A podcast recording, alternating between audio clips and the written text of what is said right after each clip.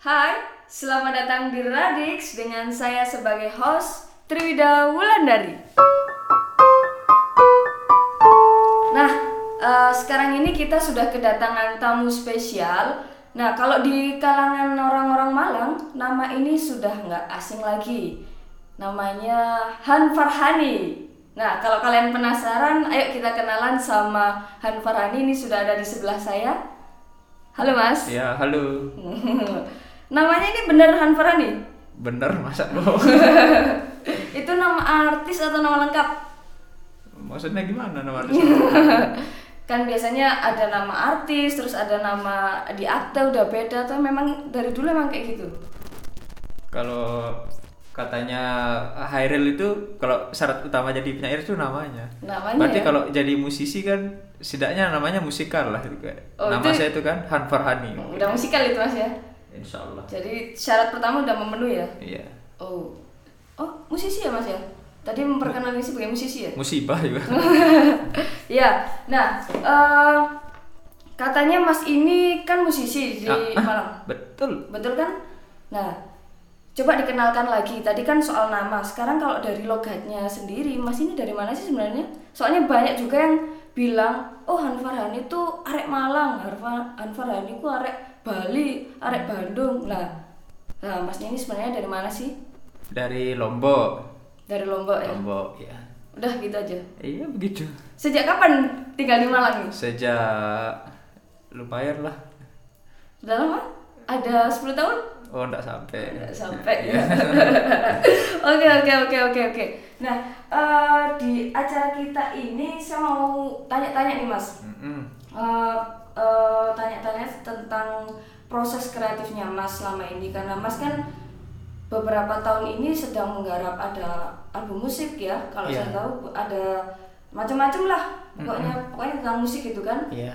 Nah kira-kira kalau boleh tahu awal bermusik itu sejak kapan sih mas? Kalau awal bermusiknya saya ya, Hmm. kalau awal bermusiknya itu ya sejak SMP bermusik, SMP. SMP bermusik, terus Oh. SMP dari SMP lanjut terus hingga hari ini. Sampai hari ini Iya. mulai SMP SMP kelas berapa? SMP ya kelas 2 mungkin ya, kelas 2, kelas 3. Terus kalau boleh tahu ketertarikannya tuh karena apa sih? Kok nggak misalnya tertarik ke apa ya dulu ya? Kalau sering misalnya seni peran mungkin atau seni lukis atau apa? Atau dipengaruhi sama siapa sih Mas Han Farhani? Ya kalau kalau dulu ya memang karena lingkungan teman-teman kan banyak yang main musik ya, banyak yang main musik jadi teman-teman sekolah main musik ya kita ikut-ikut aja terus wah kok mantap nih gitu. Ya akhirnya terus wah ini seru nih gitu. Oh, Kalau oke, oke. eh, ke- yang lain-lain kan kurang saya kayak gambar saya nggak bisa kayak gitu lah. Ya bisanya ini. memang di musik ya. Iya. Terus sejak SMP itu sudah yakin atau gimana nih? Oh ya hakul yakin. Wah, kalau yakin ya. Terus eh, alat musik nih, alat musik kan berapa saya sering juga lihat di YouTube kadang pegang keyboard, kadang pegang gitar sebenarnya awalnya tuh pegang alat musik apa mas? Eh, sebenarnya saya dulu belajarnya ya belajar main keyboard, belajar main keyboard terus kalau main gitar kan kita di jalan-jalan kan. Kalau nongkrong-nongkrong itu kan kita orang-orang belajar gitaran kan kita main gitar aja. Jadi ya saya kadang main pakai keyboard, kadang main pakai gitar gitu. Sesuai kondisi aja. Oh sesuai kondisi ya, barengan ya. keyboard. Lah terus itu otodidak atau les atau gimana? Eh, kalau ya sempat belajar ya maksudnya tapi lebih banyak mungkin ya sempat kursus dulu sempat kursus kursus musik cuma menurut saya sih lebih dominan maksudnya setelah oh ternyata kursus begini aja gitu akhirnya kita kembangkan sendiri kan Ngulik-ngulik sendiri Iya, ya. hmm. Nah kalau dulu tuh sering ngulik lagu apa? Sebelum bisa eh, bikin lagu sendiri. kok dibongkar nih Namanya juga bongkar Oh, handphone iya, iya. kalau ya? ngulik ya apa ya kalau ngulik apa ya ya macam-macam tapi saya paling suka ya The Beatles The Beatles ya. Oke oke, lanjut nih mas pertanyaan yang lain. Nah kalau akhir-akhir ini saya pantau nih ya di ada di Instagram, di YouTube, ini lagi menggarap eh, puisi katanya mas ya. iya Nah itu terus saya juga sempat baca tulisan mas itu nggak setuju sama istilah musikalisasi puisi. oh Nah gitu gitu. Kalau kalau orang-orang banyak ngomong sih ya itu musikalisasi puisi ada macam-macam lah istilahnya lah Mas Farhani sendiri kan e, menyangkal kalau itu disebut musikalisasi puisi mungkin bisa dijelaskan kenapa alasannya. Menyanyi apa menyanyikan puisi ya kalau nggak salah ya? Hmm. nah itu gimana? Ah, sebenarnya sebenarnya saya bukan apa ya bukan anti maksudnya bukan bukan anti musikalisasi puisi bukan gitu. Maksudnya atau tidak boleh istilah itu bukan gitu. Cuma saya sempat bilang saya ketika teman-teman ungkapan yang saya lakukan nih kadang teman-teman bilang ini alirannya musikalisasi puisi kadang bilang begitu kan teman-teman. Terus wah saya nih terus itu menjadi kebingungan ya. jadi menurut saya istilah itu ya membingungkan untuk saya maksudnya untuk saya. Karena sekarang kan begini musikalisasi puisi ini yang dimaksud dengan musikalisasi puisi ini bagaimana gitu. Dalam misalnya istilah-istilah musik kayaknya ndak ada misalnya. Apalagi di barat ndak ada istilah eh, musikalisasi puisi itu sehingga membingungkan. Nah saya bukan anti kan istilah itu cuma itu membingungkan terutama nanti ketika garapan kan garapan musiknya orang-orang kan macam-macam terus semua dianggap kayak yang saya lakukan ini musikalisasi puisi. Padahal kan macam-macam modelnya. Nah kalau saya kemudian dengan istilah musikalisasi puisi nah puisi ini dijadikan musik atau dijadikan lagu gitu kan. Dijadikan musik atau dijadikan lagu. Kalau misalnya gini kalau misalnya lagu itu adalah musik misalnya kenapa kita tidak bilang menyanyikan musik? Kenapa kita bilang menyanyikan lagu? Misalnya gitu nah istilah-istilah begitulah yang membuat saya bingung gitu kan musikalisasi puisi ini maksudnya nih bagaimana gitu kan Semen- terus juga di makin dibingungkan dengan dengan lomba-lomba waktu itu. waktu itu lomba-lomba kan SD SMP Iya, lomba-lomba pelajar banyak musikalisasi puisi sehingga persepsi kita musikalisasi puisi adalah eh, seperti yang ada di lomba-lomba itu. Nah, sementara lomba-lomba itu pun aturannya beda-beda, ya kan? Maksud- Artinya beda-beda sesuai dengan penyelenggara acara itu.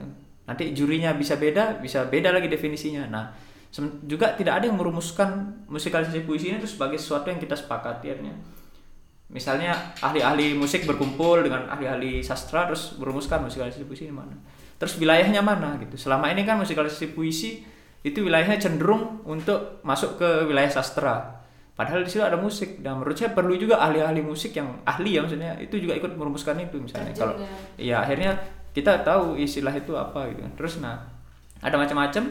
Nah saat ini menurut saya persepsi masyarakat musikalisasi puisi itu yang seperti saya lakukan ini yaitu misalnya puisinya siapa terus saya jadikan lagu saya mainkan nah itu dianggap musikalisasi puisi. Padahal kalau kita kita tarik lagi musikalisasi puisi ini gimana? Apakah itu tadi yang saya bilang tadi dia menjadikan puisi ini menjadi musik atau menjadi lagu. Kalau dia menjadi musik ini maksudnya kan musik yang instrumental ya dia. Dia jadi musik Nggak ada liriknya. tidak ada lirik karena eh, musik itu menjadi lagu ketika dia ada liriknya gitu. Nah terus kalau istilah-istilah itu banyak. Terus bagaimana jika misalnya eh, penulis lagu misalnya ya, dia menulis puisi dulu baru menulis lagu. Nah, itu kan banyak musisi-musisi kayak gitu. Tapi kenapa juga tidak disebut dia musikalisasi puisi gitu? Atau misalnya kalau di kita ada misalnya eh, zaman-zaman kantata misalnya dia garap puisi-puisinya Rendra misalnya kayak kesaksian kayak itu kan mereka garap puisi-puisinya Rendra. Tapi tidak lazim kita sebut musikalisasi puisi. Nah sehingga saya membingungkan gitu. Ini istilah bagaimana gitu. Ada juga istilah yang lain ada banyak. Jadi misalnya seperti tone poem misalnya. Itu musik puisi nah itu nanti beda lagi garapannya bagaimana gitu. Nah akhirnya em, paling aman saya menyebut ya menyanyikan puisi atau melagukan puisi bisa juga. Artinya puisi ini saya nyanyikan. Oh. bukan saya ubah bukan bukan saya ubah jadi musik maksudnya jangan jadi musik instrumental gitu. Tapi saya saya nyanyikan lirik ini. Saya tafsir kira-kira eh, musiknya begini misalnya musik pengiring lagunya ini kira-kira begini gitu. Jadi puisinya saya jadikan lagu gitu. Oke oke. Berarti menurut Mas Han Farhani ini musikalisasi puisi itu eh, dari puisi beralih ke instrumen aja ya. Iya, mungkin Tapi begitu. kalau- Nah, Karena tidak ada yang is- yang membakukan itu kan hingga hari itu. ini. Tapi kalau yang tetap ada liriknya itu menurut Mas Farhani istilah paling dekat adalah menyanyikan puisi Menyanyikan atau puisi, melakukan, melakukan puisi. puisi. Ya? Oke sip sip sip mantap. Terus kalau ini Mas itu masalah istilah ya. Iya. Nah sekarang kita agak geser dikit tapi masih sama ini. Tadi kan masalah istilah. Nah sekarang mengapa Mas Farhan ini menyanyikan puisi kok nggak menyanyikan misalnya cerpen atau misalnya menyanyikan lagu sendiri atau apa buat lagu sendiri atau apalah gitu kenapa puisi yang dipilih gitu kenapa menyanyikan puisi Nah, kalau cerpen kan ke- kepanjangan. kalau kenapa memilih menyanyikan puisi dan tidak menulis sendiri? Nah, itu kan awalnya kan karena begini. Ketika kita belajar musik, belajar musik ya, terus kita keliling ke guru-guru itu belajar musik, semua guru musik yang diajarkan ya itu bagaimana membuat aransemen, bagaimana progressive chord dan lain-lain. Musik itu unsurnya apa dan lain-lain. Tidak ada guru musik yang mengajarkan bagaimana menulis lirik. oh ya benar Tidak ada. benar juga Maksudnya kalaupun maksud saya tidak ada ini, saya tidak nemukan guru saya mengajarkan secara rinci cara menulis liriknya bagaimana gitu. mulai dari SMP belum nemu Belum nemu ya.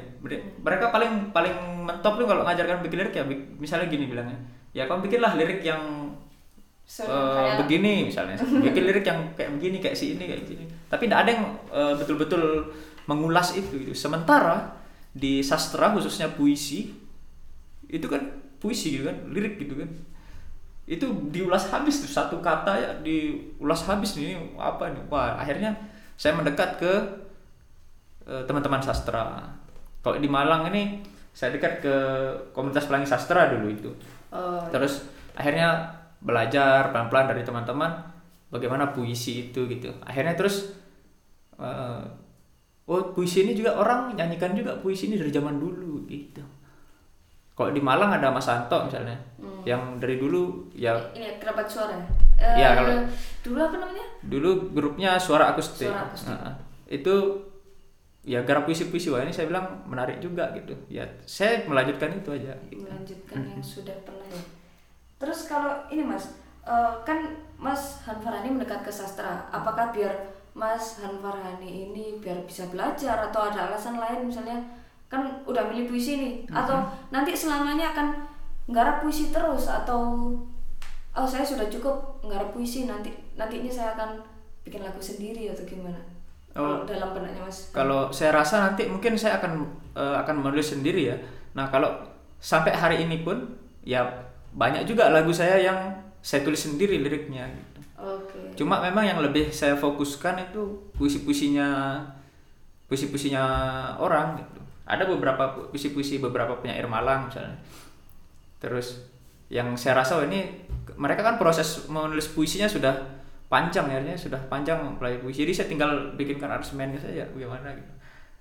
Sehingga prosesnya bergabung gitu dari proses menulis puisinya panjang dijadikan lagu dia panjang lagi gitu. Oh, Jadi sebenarnya untuk bikin satu lagu prosesnya panjang kalau kita hitung dari bagaimana penyairnya merumuskan itu. Tapi kan saya mau fokus di situ sekarang itu.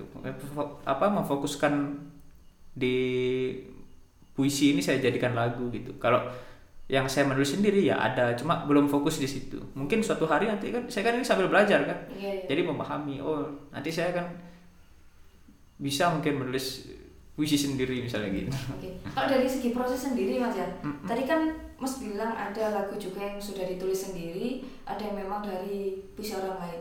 Dari proses sendiri lebih sulit mana sebenarnya?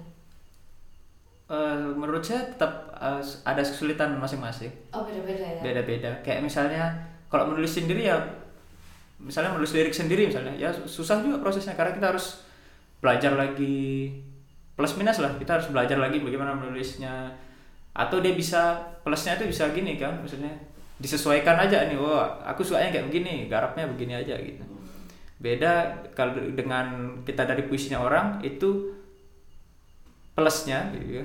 kita nggak perlu tulis tinggal baca pahami bagaimana terus kita tafsir kesulitannya itu Nafsir tidak kan? semua ya tidak semua puisi juga cocok eh, menurut saya tidak semua puisi cocok untuk jadi lagu dan tidak semua misalnya saya tidak tidak tidak tidak bisa cocok dengan kan puisi beda-beda gayanya Hmm. kita kan punya gaya sendiri kan yang cocok dengan kita gitu Hmm. ya itu kesulitannya kita kita harus teliti juga bacanya Oke oke. Nah lanjutkan dari kata-kata Mas Han tadi kalau puisi dari orang lain kan tinggal menafsirkan aja terus kita buat aransemen lagunya ya.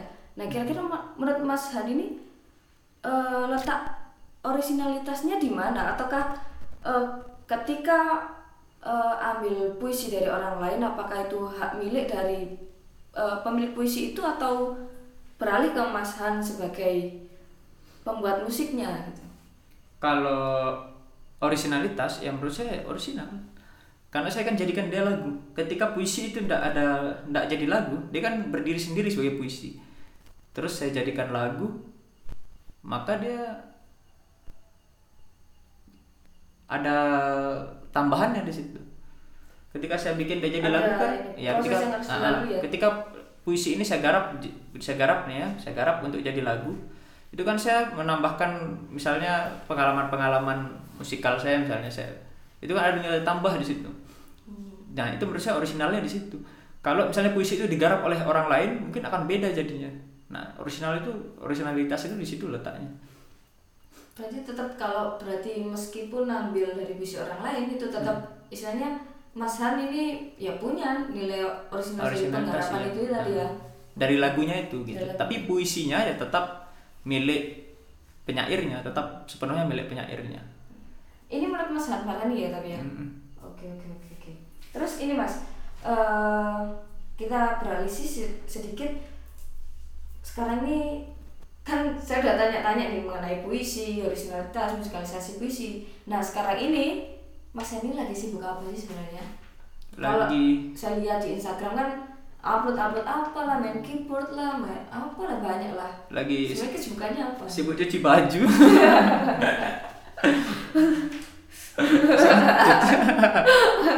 Kenapa tawanya lama?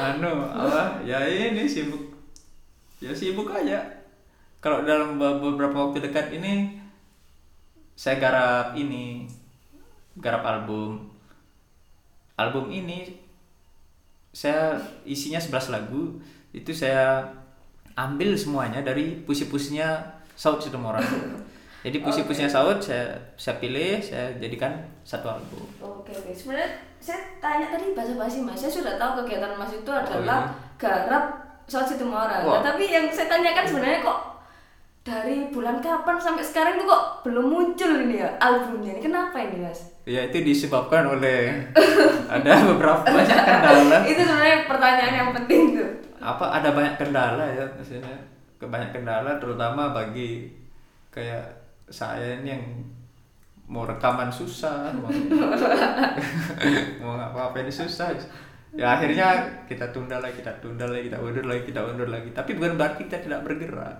Oke oke. Tetap ya Tetap harus bergerak. dituntaskan Iya. untuk album disebabkan oleh Saud ya. Iya. Oke oke. Targetnya kapan mas? kalau target saya sekarang malas bicara target ya, karena selalu meleset Oke oke oke. Yang penting dijalanin aja ya. iya di jalannya seperti sebuah hubungan Oke siap siap siap siap. Nah sekarang gini, eh tadi karena sekarang lagi sibuk ngarep album disebabkan oleh Saud kan. Iya. Nah sekarang kenapa sih kok memilih eh penyair Saud Situmorang?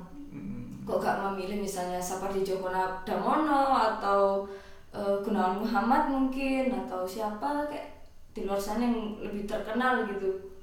Kenapa alasannya memilih Saud Situmorang? aku memilihmu anu apa ya gitu. Kalau apa misalnya Sapardi atau Gunawan Muhammad kan sudah digarap sudah banyak digarap. Nah saya cari yang siapa ya yang mantap nih saya bilang. Siapa yang mantap nih saya bilang? Cari ngobrol dengan teman-teman. Akhirnya saya nemu namanya Saud Situmorang gitu kan. Terus saya cari bukunya kan ada buku-buku puisinya itu saya minjam juga teman-teman. Ada yang di yang buku-buku puisinya itu autobiografi apa perahu mabuk terus catatan subversif sama apa satu lagi saud kecil bicara dengan Tuhan. Dari buku-bukunya saya baca buku-bukunya. Wah ini bagus saya bilang nih. Oh, estetikanya yang menarik lah nih saya bilang gitu. Menarik lah gitu. Apa namanya? Puisi-puisinya nih terus akhirnya kan karena saya mempelajari puisi-puisinya itu saya harus tahu nih siapa nih penyairnya nih. Cari penyairnya terus baca tulisan-tulisannya wah ini menarik ini mantap nih saya bilang akhirnya saya garap lah dia Saudi Berarti setuju sama pemikiran Saud ya? Iya. Selain apa tadi cocok secara estetika sama Hmm. cocok secara apa gayanya ya. Terus a- atau ada alasan lain mas mengenai Saud Situmorang itu di luar itu? atau cuma itu aja Kalau alasan utamanya itu kemudian semakin dimantapkan lagi waktu akhirnya saya punya kesempatan untuk ketemu dengan dia kan waktu itu. oh ya boleh Waktu itu, ah, waktu itu ya waktu itu saya numpang di Pelangi Sastra gitu kan. Ada acara di Jogja waktu itu terus saya berangkat ke sana. Terus ketemu lah terus ngobrol-ngobrol. Ya akhirnya saya mulai tahu kan, oh dia ini begini begini begini begini. Kemudian saya juga di tulisan-tulisannya kita banyak lihat dia kan kontroversial ya. Apa penyair satu ini kontroversial kan terus apa itu gitu kan? Akhirnya kan saya menggali kan ini apa persoalannya gitu. Kenapa misalnya dulu dia eh, dulu dengan kawan-kawan misalnya buat misalnya Bumi Putra misalnya yang di sana itu ya memang untuk melawan musuhnya itu wah ini saya bilang ada apa ini? gitu kan. Akhirnya saya mencari mencari mencari mencari. Terus saya juga mencari eh, nemu bukunya ini. Siapa nih? Wijaya Herlambang. Kekerasan budaya pasca 65 wah ini menarik nih saya bilang. Menarik ini saya bilang. Eh, kalau ternyata selera intelektual kita selama ini dipaksakan gitu. Nah eh, itu terbukti hari-hari ini terbukti hari-hari ini misalnya hari-hari ini ya terbukti puisi-puisi misalnya puisi-puisi yang masuk di koran-koran yang arus utama misalnya itu kan ya modelnya begitu-begitu saja orang-orang terkenal itu ya Iya, model-model begitu-begitu saja. Terus padahal ada banyak misalnya eh, model-model lain gitu, model-model lain. Gitu. Nah, saya menurut saya estetika-estetika yang ada misalnya di puisi-puisinya Saud ini perlu juga ini untuk diangkat nih gitu. Oh, Itu akhirnya kan wah ini saya tambah semangat nih garap ini saya bilang gitu. Iya, siap, siap. Nah, kalau tanggapan dari Saud sendiri ada orang gitu ya dari mana? Dari Malang ya kan ya, dari Malang domisilinya di Malang terus niat nggarap ini satu album, tanggapannya gimana? Dia seneng atau biasa aja atau ojo wis ojo wis gitu. Gimana? Kalau tanggapan tanggapannya? ya, tanggapannya ya mungkin dia, dia ya setuju-setuju aja. Setuju, setuju. Dan menurut saya orangnya tidak ribet juga maksudnya tidak ribet. Kita harus royalti dan lain-lain. Kalau ada royalti repot ya Mas Ane? Ya kayaknya repot ya kalau saya kalau royalti nanti saya setiap kali nyanyi lagu itu kan repot itu. Hmm. Saya cuma bilang aja saya izin pakai gini lagunya. Dia bilang mainkan saya sudah dia bilang. Dia bilang. Iya, ya iya, sudah. iya, iya.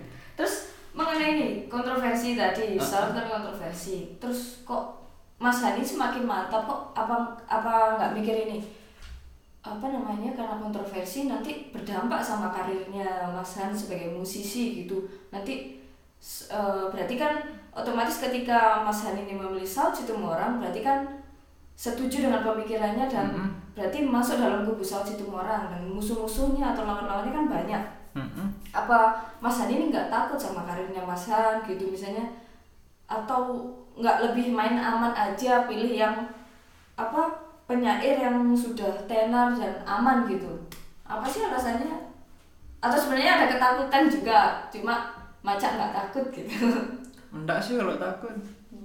Kita kan apa namanya? Kita kan ya punya alasan-alasan yang jelas. Maksudnya punya alasan-alasan yang jelas. punya alasan Uh, yang apa apa yang misalnya saya lakukan ya saya punya alasan-alasan yang jelas dan maksudnya sendiri juga punya alasan yang jelas ya Iya. sikapnya itu ya iya kalau melihat tulis baca tulisan tulisannya kan Hmm. terus akhirnya wah ini saya mantap nih saya bilang Eh, saya maju aja ikut dia oke dan iya terutama kalau dia kan fokusnya di ah, ini ya di politik sastra ya.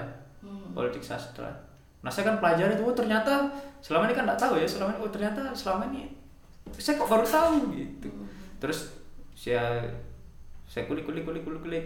Wah ini perlu juga ini kita anu nih oke. Akhirnya saya mantap garap album ini. Iya, iya, iya. Mungkin pendengar yang penasaran tentang politik sastra bisa baca-baca ya. Iya. ini ya di luar ya. Kenapa? Di website ya.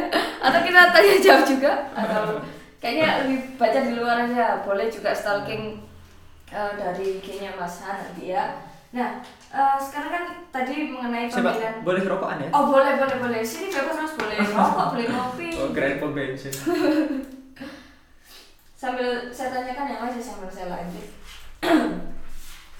ini tadi kan eh, obrolannya mengenai kenapa memilih Saud Iya. nah sekarang yang saya tanyakan eh, proses ketika memilih puisi Saud? Maksudnya kan ini banyak kan tadi Iya. disebutkan sama Mas Han ada buku puisinya ada autobiografi, perahu mabuk, kemudian Saud kecil bicara dengan Tuhan sama catatan subversif ada Iya. empat buku dan itu pasti ratusan atau mungkin ribuan puisi ya.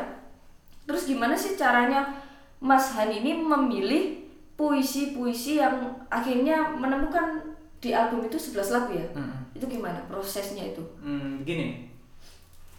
Di salah satu bukunya Saud itu yang autobiografi itu, di sana dia buka buku itu dengan pengantarnya itu esai itu judulnya tradisi dan bakat individu. Nah di sana saya me- membaca persoalan intertekstualitas. Oh berarti kekuatan puisi-puisinya Saud itu di intertekstualitas, intertekstual. Maka saya eh, puisi-puisi bagus-bagus maksudnya puisi-puisi cinta ya bagus, puisi-puisi protesnya bagus-bagus. Tapi itu tidak lepas dari eh, persoalan intertekstualitas. Nah, interteks tidak tidak lepas dari itu. Akhirnya saya mempelajari ini, ini dari mana nih? mana. Nah, misalnya terus akhirnya saya memilih kan yang sesuai ya, yang puisi-puisinya yang kuat misalnya kayak aku mencintaimu dengan seluruh jembutku. Wah. Nah, itu kan permainan intertekstualitas di situ. Hmm. Nah, Saud ini pemain- permainan intertekstualitasnya kuat untuk dia melakukan perlawanan-perlawanan di politik sastra itu. Misalnya aku mencintaimu dengan seluruh jemputku. Aku, mencintaimu dengan aku ingin mencintaimu dengan membabi buta. Saya pilih. Jadi saya pilih lagu itu. Oke, oke. Saya potong sebentar. Ah, ah. Nah, intertekstualitas sendiri itu maksudnya gimana Nah, sih? Mas? inter- intertekstualitas itu artinya teman-teman itu kalau di di penjelasannya di esainya itu jadi kurang lebih begini ini penangkapan saya jadi teks teks itu mem- ada di dalam satu sistem interteks. Jadi teks itu tidak mungkin tiba-tiba muncul dengan sendirinya. Hmm. jadi secara otomatis suatu karya itu pasti lahir dari karya sebelumnya. Pasti dia berdiri atau jongkok dari karya sebelumnya. Dia tidak bisa tiba-tiba muncul sesuatu yang baru muncul. Jadi sebenarnya kita ya kita melanjutkan tradisi gitu. ya ya. kita melanjutkan tradisi aja Gitu. jadi dia misalnya melanjutkan tradisi siapa maksudnya melanjutkan puisi siapa jadi dia misalnya terinspirasi dari siapa. Misalnya contohnya puisinya dia tapi saya tidak memilih ini eh, puisi ini. Misalnya dia terpengaruh eh, oleh Rendra misalnya. Ya dia menulis puisi yang apa itu memang kelihatan terpengaruh oleh Rendra gitu. Memang iya. dia mengakui bahwa ini mengakui iya. sebelumnya memang baca dari Rendra Iya. kemudian dia misalnya buat dia, lagi gitu. iya, misalnya dia bikin disebabkan oleh Rendra misalnya gitu Oh judulnya gitu ya? judulnya gitu ya misalnya puisi-puisi kayak gitu ya itu kan kuat sekali intertekstualitasnya nah menurut saya itu yang unik dari Saud ini Oh oke oke. Maka Mungkin saya kayak memilih puisi-puisi. Apa namanya? Apa lagu Rolling Stone ke slang itu? Itu ya mungkin bisa juga ya mungkin ya Oh, bisa oke. gitu ya nah Mungkin kita ya. kurang kurang wacana ya kalau di musik menurut saya di industri musik terutama industri musik yang istilahnya kayak gitu kita kurang wacana ya Berarti kalau kita pengen tahu interteks itu gimana atau maksudnya ini interteks atau bukan berarti bacaan kita harus luas ya mas ya Iya. misalnya kalau kita nggak tahu Rendra misalnya kan kita Iya. nggak tahu Kita disebabkan nggak paham, Rendra ya. itu siapa Nah. jangan-jangan orang menilai bahwa eh, puisi Saud itu ya punyanya Saud padahal itu ada eh, pengaruh dari Rendra gitu mas ya? Iya. Oke. kita harus paham juga nih konteksnya mana gitu Oke, siap, siap, siap, siap. Oke mas, itu tadi soal puisi, puisi ya, pemilihan puisi udah dijelaskan sekilas lah. Nah, bolehlah dinyanyikan lah, cuplikan apa ya? Cuplikan ya, satu bait atau dua bait lagu dari salah satu di album disebabkan oleh Saud. oke yang mana Terserah mas ntar siap-siap dulu ya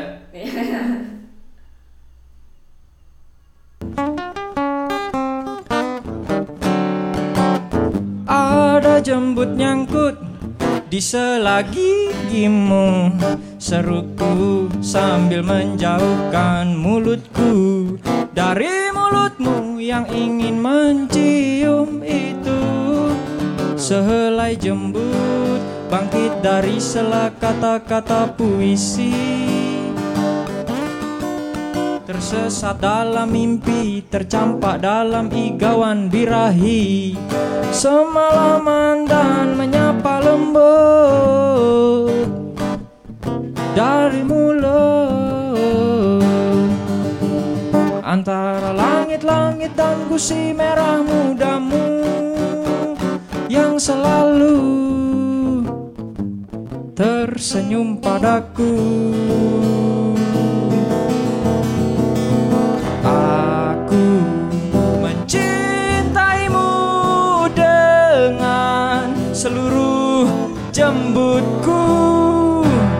Tapi bersihkan dulu gigimu sebelum kau menciumku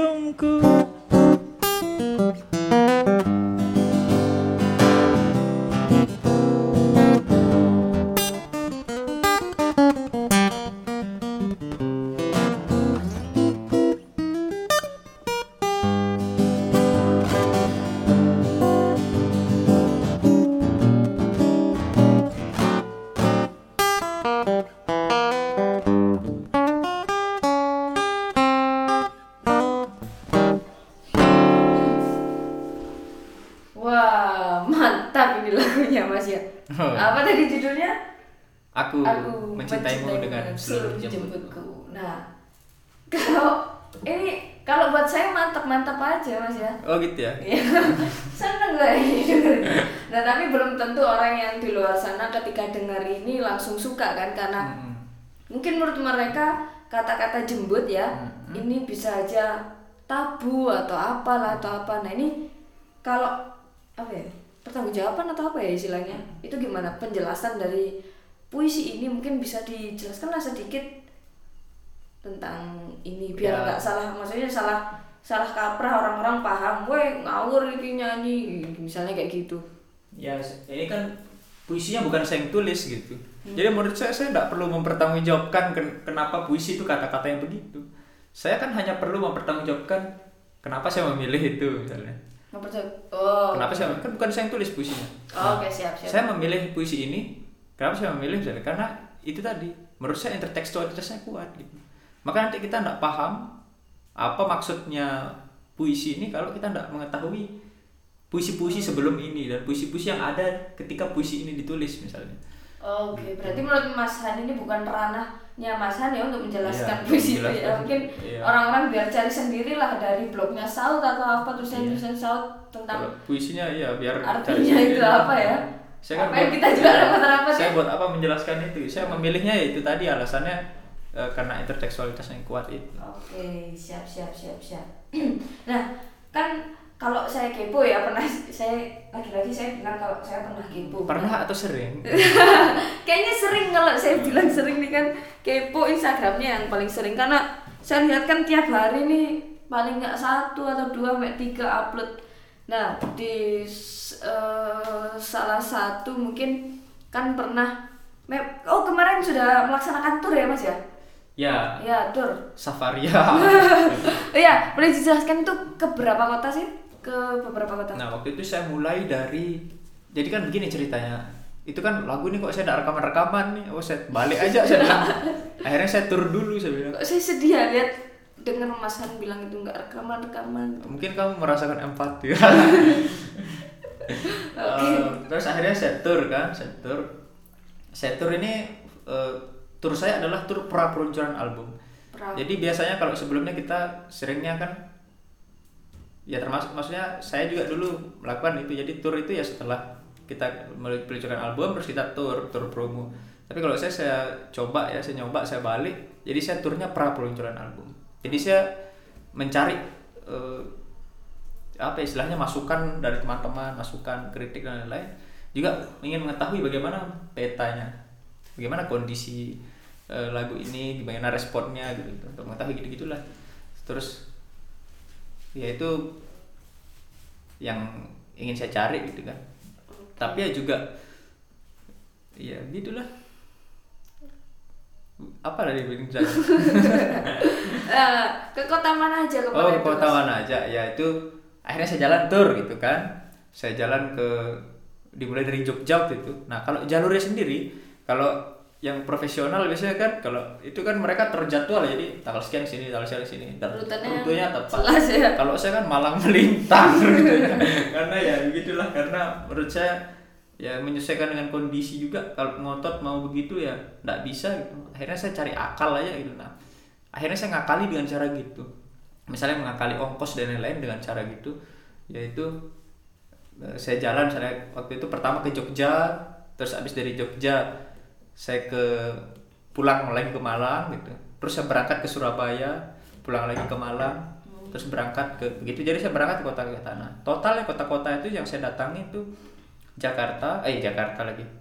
Jogja waktu itu Jogja terus kemudian Surabaya terus Banyuwangi terus mana lagi?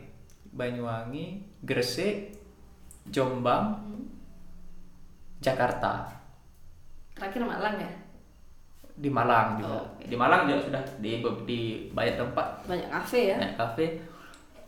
Itu saya juga pernah peluncuran di sana Oke, kalau dari tanggapannya sendiri Mas, eh, nyambung dari lagu yang diputar tadi, tanggapannya gimana sih antar kota ini kira-kira ketika mendengarkan lagu salah satu lagu yang dis, apa tadi yang jemput-jemput tadi kan ya, itu gimana sih? Atau mereka langsung menerima, wah asik iki yo, iki sing tak goleki atau loh apa iki apa iki misalnya, wah ngawur arek iki. Nah, itu gimana boleh diceritakan lah. Nah, saya main kan di banyak tempat ya, artinya di juga dengan lingkungan-lingkungan yang berbeda, juga dengan tingkat intelektualitas yang berbeda gitu. Nah, saya, saya cenderung nyambung itu kalau di komunitas-komunitas sastra misalnya ya.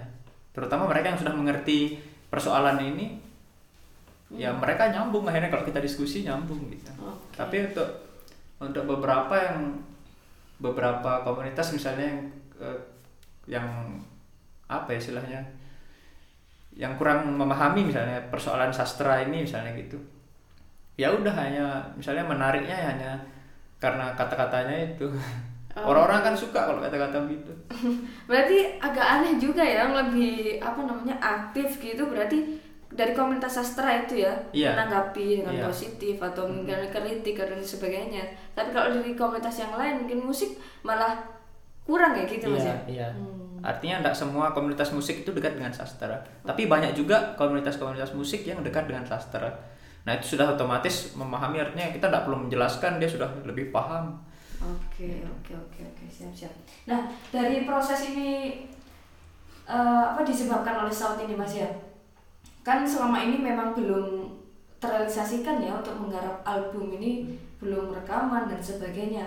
Nah kesulitannya atau boleh diceritakan lah proses kreatifnya itu gimana ketika menggarap eh, album disebabkan oleh saut. Boleh juga kok dibandingkan sama sebelum-sebelumnya karena saya tahu kan banyak sebelumnya juga ada album yang lain atau gitu. Boleh dijelaskan lah. proses kreatifnya ya, ya kurang lebih begitulah saya kalau saya misalnya cari puisinya jadi siapa cari itu yang intertekstualitasnya kuat atau yang misalnya saya suka dengan puisinya. Misalnya kayak sajak sampah misalnya. Seorang pengemis tua jatuh di pinggir jalan dan mati. Angin malam yang dingin menghembus sampah-sampah kota. Nah, itu kan eh, tersentuh hati saya kan akhirnya oh saya garap lagu ini gitu.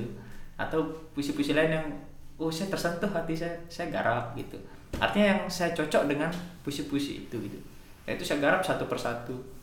Saya garap satu persatu pelan-pelan gitu Eh, tidak tidak buru-buru gitu awalnya dulu saya pengen cepet nih garap cepet tapi lama-lama saya pikir kayaknya nggak buru-buru ah biar Tambah ah, ini ya bikin bingung nanti juga. bikin, ya. biar garap pelan-pelan yang penting hasilnya enak gitu kan saya Oke, pengen gitu Nah, ini kan ada 11 lagu ya Mas ya. iya Yang paling sulit itu gimana sih atau dari 11 lagu ini Mas Hani ini memang pure eh, menggarap sendiri.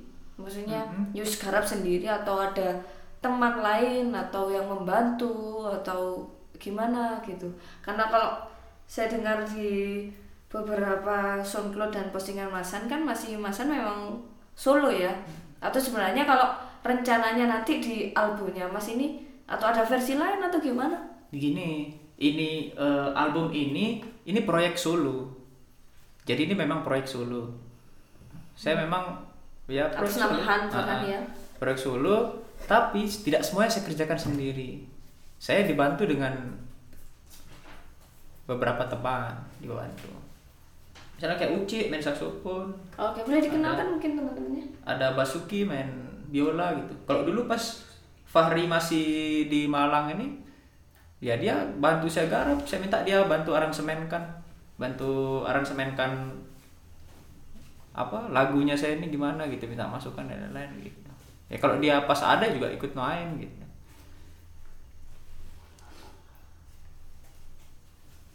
Eh, oke oke oke oke. Berarti nggak sepenuhnya digarap sendiri ya? Iya menurut tentulah banyak banyak pihak yang membantu ya? membantu ya? ya. oke oke.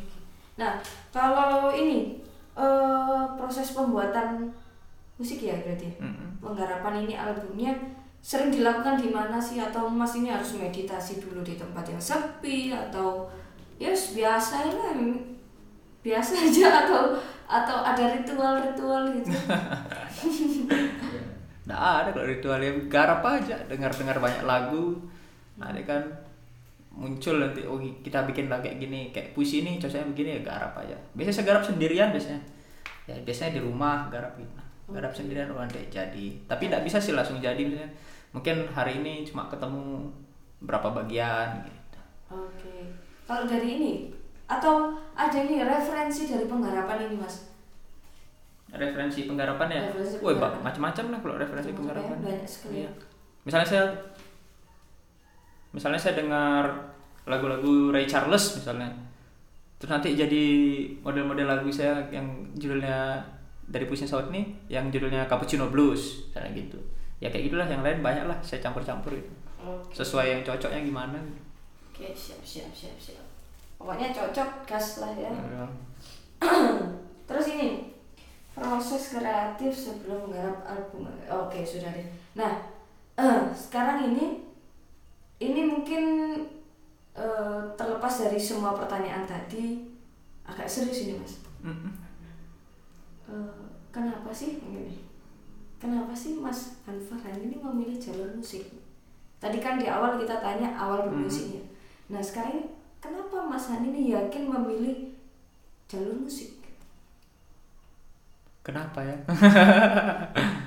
ya saya rasa Oke tahan dulu. Ah. Sebelumnya mungkin eh, saya tanyakan eh, apa tadi sebelumnya tadi kan apa tadi apa kita bahas tentang eh, proses kreatifnya. Nah, saya agak lupa nih tadi berarti dari 11 lagu mana sih yang paling favorit? Nah, itu pertanyaan yang tadi kita simpan dulu. Mm-mm. Eh, mana puisi yang paling favorit dari Mas Han ini? puisi paling favorit dari saya Dari 11 lagu ini yang dari 11 lagu itu yang mana ya semuanya suka sih Kalau semuanya suka itu berarti bukan paling gitu, Mas. Oh.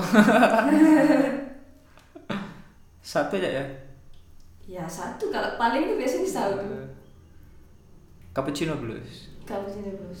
Kenapa itu? ya simple Simpel. Boleh lah dinyanyikan sedikit lah. Tadi kan udah oh gitu Nggak boleh nyanyikan sedikit. Ya, ya, ya. oke siap-siap dulu Oke. A man walks down that deserted road. His shadow cries to the moon in the sky.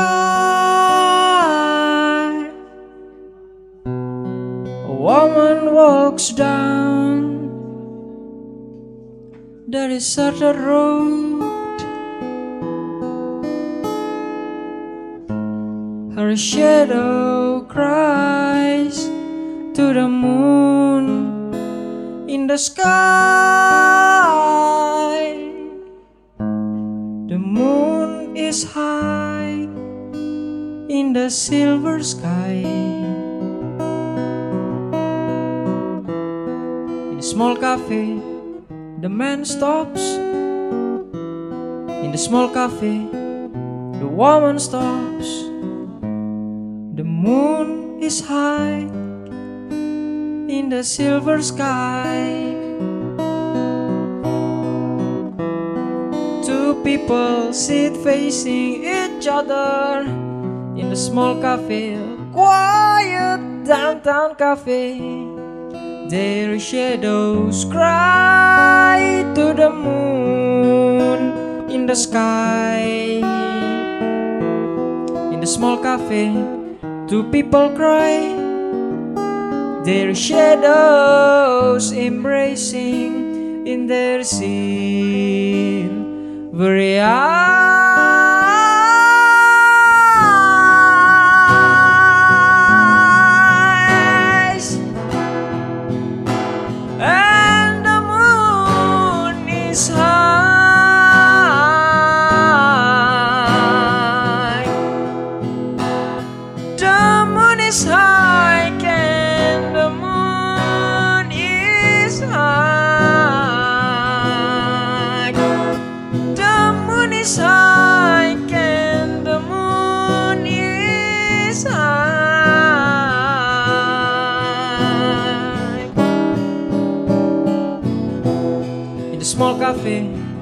Man stops. In the small cafe, the woman stops.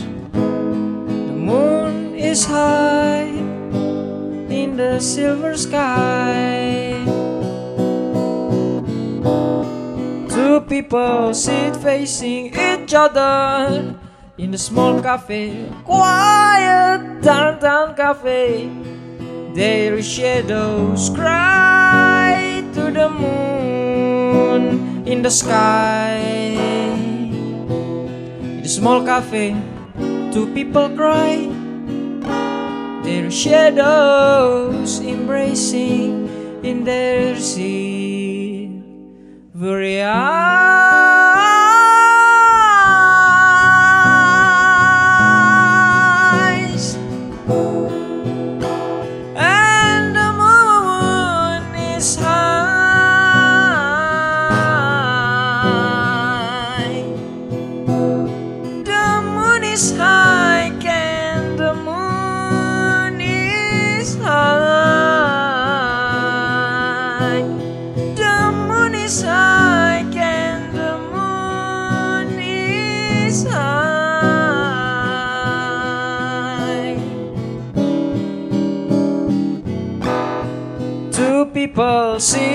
Facing each other in a small cafe, a quiet downtown cafe. Their shadows cry to the moon in the sky. In a small cafe, two people cry. Their shadows embracing in their silvery Nah,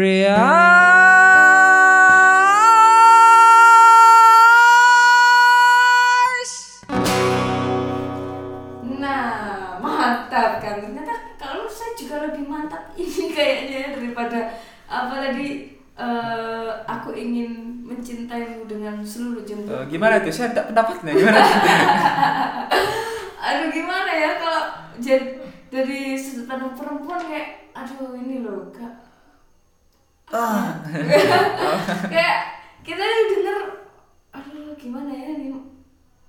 Meluluh gitu loh. Pasti kalau saya membayangkan Mas Han ini ada di panggung gitu pasti ada cewek-cewek yang pasti teriak aduh Mas Han Mas Han Mas Han. Atau misalnya diam-diam dia DM atau diam-diam dia WA karena saking eh, terun terenyuhnya atau saking apa nih? Nggak ada itu. bagus gitu kayak gitu. Nggak, nggak ada. Oh, nggak ada ya mas ya?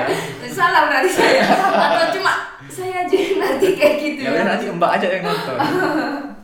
Oke oke. Itu tadi oh ya itu tadi khusus buat pendengar Radix yang ada di rumah ya. Itu Cappuccino Blues itu khusus untuk anda semua ini? Jadi harus didengarkan secara seksama pertama pendengar pendengar perempuan cewek-cewek yang ada di luar sana ya. Oke gitu itu tadi lagu favorit dari Mas Handi album disebabkan oleh Sound. Sound. Oke. Nah, lanjut dari pertanyaan yang tadi yang agak serius nih Mas ya.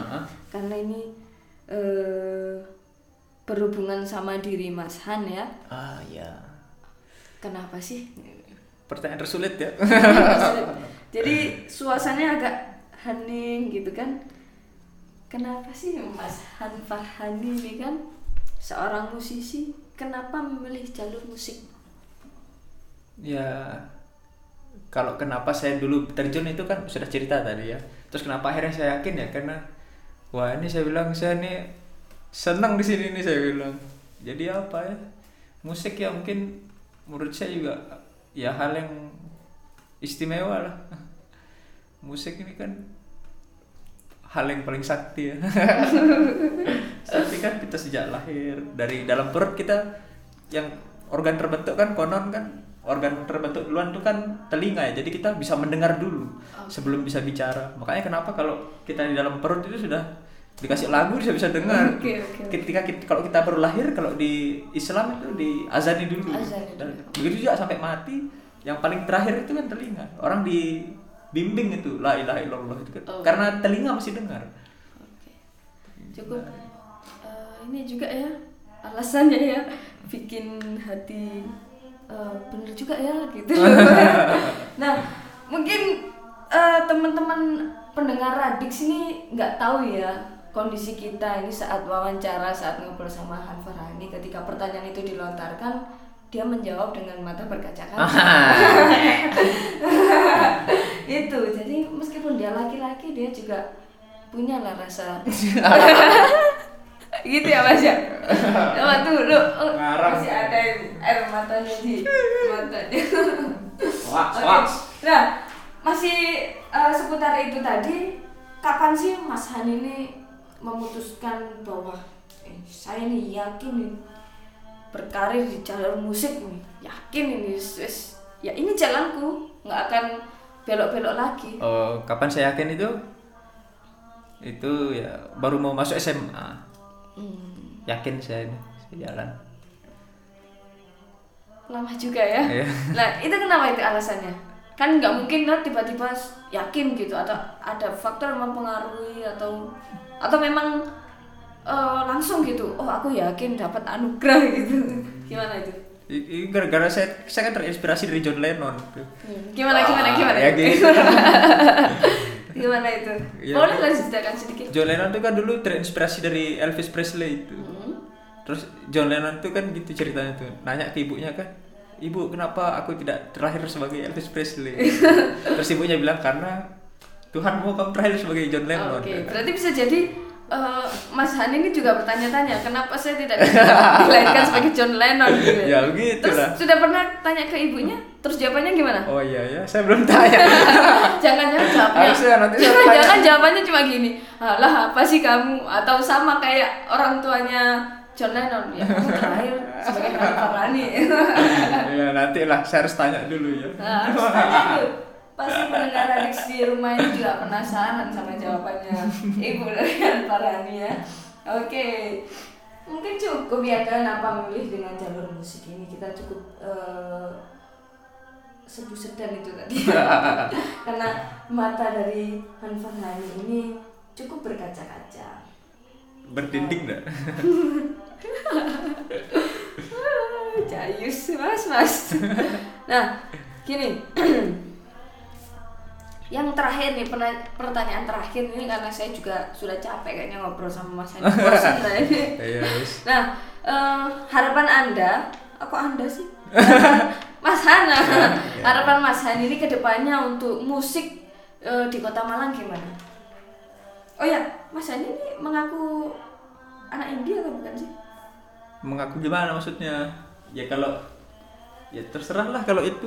Terserah Kalau maksudnya Gak penting ya? kalau istilah indie pun maksudnya oh ya bukan tidak penting. Maksudnya kalau istilah indie kan juga ya orang juga kamu nih indie apa? Ya gitu gitu kan maksudnya. Orang juga saling anu ini saya biarkan lah orang lah yang bilang indie atau enggak. Yang penting kalau menurut saya sih ya saya kita kerjakan sendiri gitu. Hmm. saya juga pernah nulis kok itu soal itu di blog soal eh, bagaimana bagaimana kita bisa mengelola mengelola manajemen kita. Itu kan ada banyak model ini misalnya kayak di model 360 itu kita secara 360 derajat itu di dikelola oleh manajemen.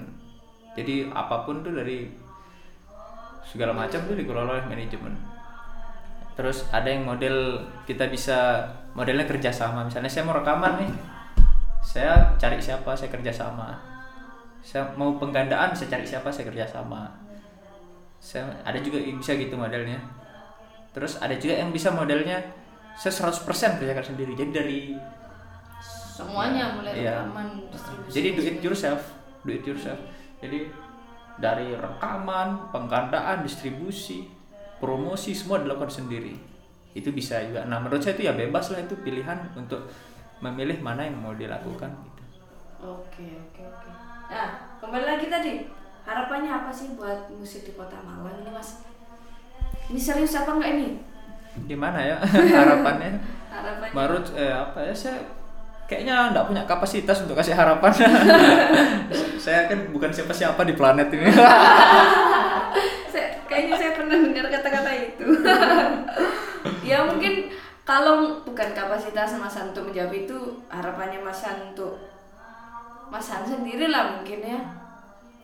Gimana? Iya. pokoknya harapan ke depannya gimana gitu Mas? Iya saya kan pasti eh, kalau orang-orang ini setuju sama pemikiran Mas Han pasti kan juga ikut gitu. Ya saya ingin terus bergerak di sini. Bergerak di sini terus melakukan apa yang menurut saya benar dengan alasan-alasan yang sebelumnya sudah kita cari dulu ya itulah terus bergerak lah. Karena menurut saya persoalan di bangsa kita ini ya persoalan struktural.